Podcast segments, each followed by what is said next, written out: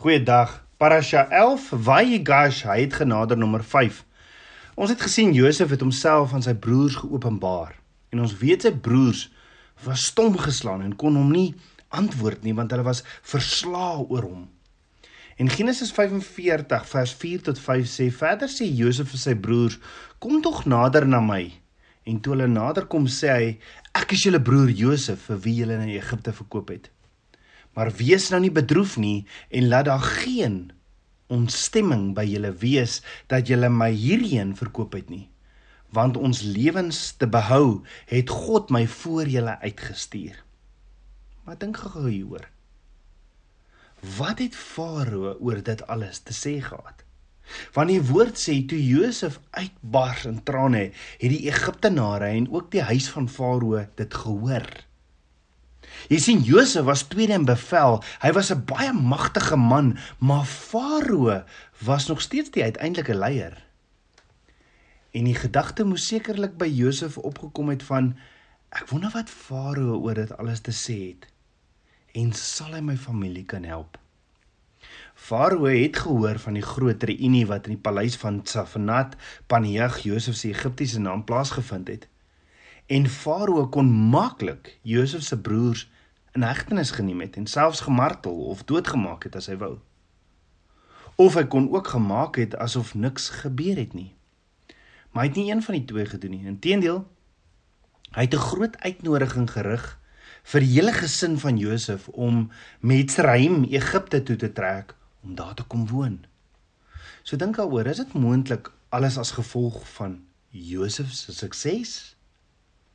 In Genesis 45 vers 16 tot 20 staan: Toe die gerug in die huis van Farao gehoor word dat Josef se broers gekom het, was dit goed in die oë van Farao en van sy dienaars. En Farao het met Josef gespreek: "Sê aan jou broers, doen dit, laat julle diere en trek laat doen dit, laat julle diere en trek weg na die land Kanaan." En gaan haal julle vader en julle huisgesinne en kom na my toe dan sal ek julle die beste van Egipte land gee en eet die vettigheid van die land. Jy kry dan bevel, doen dit. Neem vir julle uit Egipte land waans vir julle kinders en julle vroue en vervoer julle vader en kom en julle hoef geen spyt te hê oor julle huisraad nie want die beste van die hele Egipte land is julle sin. So dit is baie is 'n baie baie groot aanbod. Ek meen Farao het immers geen verpligting teenoor Josef se familie gehad nie. Hy het beslis geen natuurlike liefde in die hart gehad vir Hebreërs of vir Hebreërs nie. Wie se beroep was om skape te om met skape te boer nie. Wat die Egiptenare eintlik as 'n gruwel beskou het nie. Wat die woord wel 'n paar keer vir ons sê is dat Abba Vader was met Josef sodat hy voorspoedig 'n man was. Ja, Potifar Die tronkbewaarder en Farao het gesien dat Abba Vader met Josef was en dat Abba Vader alles wat hy doen in sy hand voorspoedig maak. Daarom het Josef guns in hulle oë in hulle almal se oë gevind en het hulle hom tweede in bevel gemaak in Potifar se huis in die tronk en tweede in bevel van Egipte. Maar Farao se aanbod dat sy hele familie in Goshen, die beste gedeelte in Egipte, kan kom woon, was dus inderdaad baie genadiglik en eenvoudig te goed om om nie te aanvaar of of om dit te weier. Maar tabernakels kind van Abba. Wanneer die wêreld vir jou materialistiese goed aanbied op 'n silwer skinkbord, moet jy weet daar's 'n slang in die gras. Farao bied alles op 'n silwer skinkbord, maar daar's een baie belangrike element wat ook genoem moet word. En wat hy noem Hulle moet spesifiek die dinge van Israel daar los en nie saambring nie. Farao sê spesifiek in Genesis 45 vers 20 en julle hoef geen spyt te hê oor julle huisraad nie want die beste van die hele Egipteland is julle sin. Nou die King James sê also regard not your stuff Staf of goed in Hebreëus is kleu wat beteken hulle klere, hulle wapens, hulle instrumente, hulle gereedskap, hulle meubels ensovoorts. Met ander woorde Farao sal Jakob al sy seuns, al hulle vrouens en al hulle kinders aanvaar. Almal is welkom, Maar hy wil hê hulle moet in Egiptiese waans ry. Hulle moet Egiptiese of wêreldse maskers, klere dra. Hy gee duidelike opdrag dat hulle hul goed, alles wat hulle eg Hebreërs maak, dit moet hulle daar agterlaat. So dink daaroor. Waarom dring Farao spesifiek daarop aan dat Jakob en sy hele familie in Egiptiese waans moet ry met Egiptiese klere en al hulle Hebreëse goed moet agterlaat? Want sien, Farao wil hê Jakob en sy familie moet transformeer. Hulle moet verander. En hulle moet Egipties word en en nie meer Hebreërs bly nie. Hulle is nie bereid om die Hebreërs te aanvaar soos hulle is nie. Hulle moet hulle moet hulle goed agterlaat. Ja, hulle moet net kom inpas. Hulle moet verander. Hulle moet nie net in Egipte wees nie, hulle moet van Egipte word. Hulle moet al hoe minder soos Abraham, Isak en Jakob verbondskinders van 'n Vader wees en meer en meer soos jou Potifar en jou Potifar se vrou of soos Farao, hulle nuwe god. Ja, Farao sal een van hulle nuwe gode wees. Met ander woorde, los al julle goed los julle kultuur, los julle God en al julle ander ding, ander dinge agter en kom verenig julle in die kultuur van Egipte en wees soos almal hier en doen soos almal hier doen. So beteken dit hulle moet net Egiptiese klere dra? Kinders mag net Egiptiese speletjies speel en net hulle taal daar leer? Sal hulle Egiptiese haarstyle en tatoeëes moet kry? Sal hulle eet wat die Egiptenare eet? sal hulle die Egiptiese vakansie daar vier en kalender hulle kalender volg sal hulle hulle waardes en prioriteite in die lewe moet verruil vir Egiptiese waardes en prioriteite sal hulle hul shema hier luister in in obey leefstyl en hulle verbondverhouding met 'n Vader moet verruil vir geskeduleerde dienste in Egiptiese tempels sal hulle knie voor al die Egiptiese gode hierdie ding is die is die hart en siel van die uitdaging wat enige ballingskap bied. Tabernakels kind van Abba om dit by my en jou tuis te bring. Kyk wat is vandag aan die gang. Daar's 'n hedendaagse farao wat my en jou as ook ons kinders ook kom optel op sy waans wat ons wil verander na die nuwe wêreld toe. 'n Egipte of wêreld waar jy maskers moet dra, 'n wêreld waar jy 'n enstof moet neem, anders gaan jy niks kan bykom in die hedendaagse wêreld nie. 'n Wêreld met 'n humanistiese een wêreldorde en geldeenheid. Die vraag is, besef ons werklik wat is die nuwe effekte van die Egipte nuwe wêreld wat ons so maklik verwelkom of sien ons net al hierdie materialistiese dinge op 'n silwerskinkbord vir ons aangebied word? Tabernakelskind van Abba, ons sit ook vandag met 'n nuwe Egipte, 'n nuwe wêreldorde en hulle kom met alle geweld om ons harte, ons gedagtes en ons siele met vrees te wen. Tabernakelskind van Abba, in wese is die besluit altyd die volgende: laat staan jou Shema leefstyl.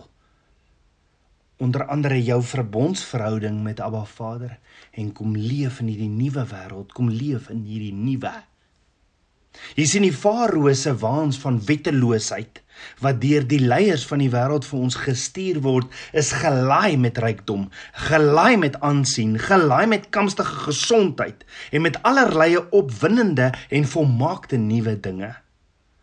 Maar die een wat al die rykdom, aansien en opgewondenheid bied, voeg altyd een klein detailtjie by die aanbod. Kom deel geniet na hartelus maar laat dit agter wat jou as 'n kenmerkende kind van die enigste lewende God maak. Want wie maak gesond? 'n Vaksin of God? Tabernakels kind van Abba, kan ek jou vra, wat trek? Waar trek ek en jy die lyn? Watse goed of die Hebreëus kleu sal jy nie opgee nie? Of dink daaroor hoe ver het Egipte die wêreld ons nie al klaar kom intrek weg van Abba Vader se woord nie? Is Abba Vader se woord nog ingegrafieer in ons soos Abba Vader? In Deuteronomium 6 vers 4 tot 9 vir ons vra waar Abba sê waar Abba Vader vra en hierdie woorde wat ek jou vandag beveel my kind moet in jou hart wees en jy moet dit jou jy moet dit jou kinders inskerp en daaroor spreek as jy in jou huis sit en as jy op jou pad is en as jy gaan lê en as jy opstaan. Ook moet jy dit as 'n teken bind op jou hand en dit moet as 'n as 'n voorhoofsband tussen jou oë wees en jy moet dit op die deurposte van jou huis en op die poorte skrywe. So Josef se broers is op die punt om met Farao se waans terug te gaan na Jakob se kamp toe. Net by Hebron. Maar wat het Farao in hierdie waans vir Jakob alles agtergelaat? Op hierdie silwer skinkbord vir 'n Egiptiese leefstyl is daar waans gegee. Daar's daar's kos gegee aan elke broer 'n kledingstuk en aan aan Benjamin. Jakob se hartsepunt, nê? 300 silwerstukke en 5 uitrustings. En ek wonder hoe hoe het Juda, hoe het Levi En sommer al die ander boeties vir Jakob gelyk in hulle nuwe Egiptiese uitrustings toe hulle by sy voordeur kom klop. Dan sê Genesis 45 vers 23 en net so het hy ook aan sy vader gestuur 10 esels gelaai met die beste goed van Egipte en 10 eselinne gelaai met koring en brood en voedsel vir sy vader op die reis. Farao het geen koste ontsien nie. In die hedendaagse samelewing sou dit wat hy gestuur het ongeveer gelyk gestaande gewees het aan 10 Toyota Land Cruisers wat volgepak is met hoofskos, is dit nie? Ek meen Farao is verseker van plan om Jakob se volle aandag te trek met dit wat hy alles stuur. Farao het beslis iets in die mou. Maar die broers het eers iets anders, dringende dinge om hulle oor te bekommer. Hulle is tot die dood te bekommerd. Kan jy dink? Hoor gou-gou Josef het nog 'n laaste ding om vir hulle te sê voordat hulle huis toe vertrek na hulle pa toe. Josef sê vir sy broers in Genesis 45 vers 24: Moenie vir mekaar kwaad word op die pad nie. Dink gou-gou daaroor. Iets in hierdie woorde van Josef is baie meer as net totsiens, veilige reis julle. Nee, Josef het 'n duidelike ernstige kommer uitgespreek oor die gemoedsrus van sy broers. Die Hebreëse werkwoord vir kwaad is ragas wat beteken om te bewe, te skud, om te woed, om te sidder en om bang te wees van vrees. Hierdie selfde woord ragas word ook gebruik in Eksodus 15 vers 14 wat sê die volke het dit gehoor en hulle het gesidder. Met ander woorde Josef se afskeidswoorde aan sy broers klink meer soos Broers, moenie sidder of bang wees en skuld van vrees op die pad terug na Pa toe nie. So waarom sal Josef dit vir sy broers sê? Ek meen hulle het dan nou net al hierdie goed op 'n silwer skinkbord gekry. Ek dink die rede die rede hoekom Josef dit vir hulle gesê het is dat die waarheid in die lig gaan kom. Hulle moes vir hulle pa Jakob, hulle eie vrouens en hulle eie kinders gaan vertel dat hulle lang verlore broer Josef in Egipte lewendig en gesond is.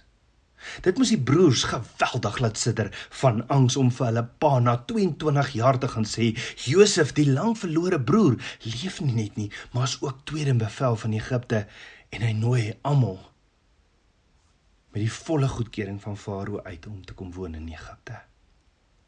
Nou buite vir hierdie goeie nuus van al die geskenke, kos en verblyf, moes daar seker dinge, sekere dinge ook in die lig kom wat vir baie lank in die duisternis was. Ja, die vuilste geheime van die familie was op die punt om blootgestel te word.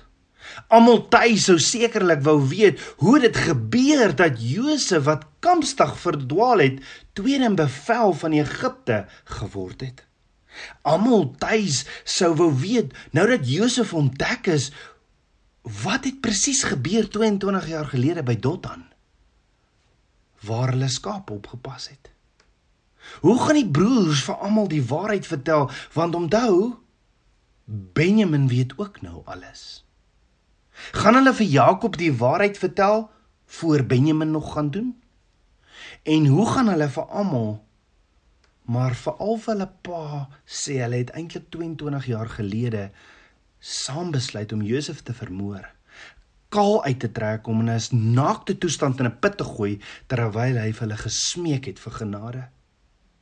Ek meen, hoe maak 'n mens die nuus bekend aan jou pa en familie dat jy en jou broers, een van jou broers aan Ismael handelaars vir 'n paar silwerstukke verkoop het?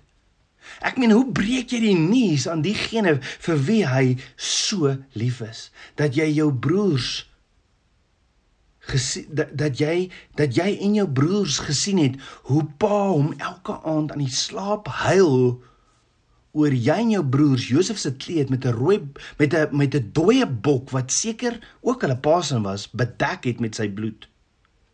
Dit alles om voor te gee dat 'n wille dier hom doodgemaak het. Hoe kan hulle vir hulle pa verklaar waarom Josef nooit een keer in die tussenlingende 20 plus jaar gevoel het om vir hom te laat hoor as hy dan net verdwaal het nie?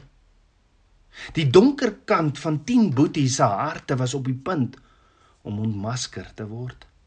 Hulle bose dade was op die punt om blootgestel te word. Die web van misleiding wat hulle al die jare geweef het sou op die punt staan om heeltemal ongedaan gemaak te word vir almal. Josef het geweet dat hierdie reis vir sy broers baie dramaties sou wees. Die vraag is Tabernakelskind van Abba, wat is daar dalk vandag in my en jou lewe wat in die lig moet kom? Jy het vandag 'n geleentheid want want weet tabernakelskind van Abba, die waarheid kom altyd uit. Hoekom nie dit wat jy al so lank in die duisternis hou, vandag in die lig bring nie? Josef het besef hoe emosioneel en ontstellend hierdie reis vir sy broer sou wees. Daarom wou hy seker maak dat hulle gefokus bly op die positiewe en op die toekoms. Daar is 'n uitkoms in hierdie droogte vir 5 jaar wat nog gaan duur vir nog 5 jaar wat hierdie droogte vir nog 5 jaar gaan duur. Tabernakelskind om oor te ponder. Hoe het hulle hierdie nuus gebreek aan hulle pa Jakob? Kom ons bid saam. Aba Vader, skieper van my hart, Vader, ek loof en ek prys U. Vader, baie kere dink ons ons kan vir U ook goed wegsteek.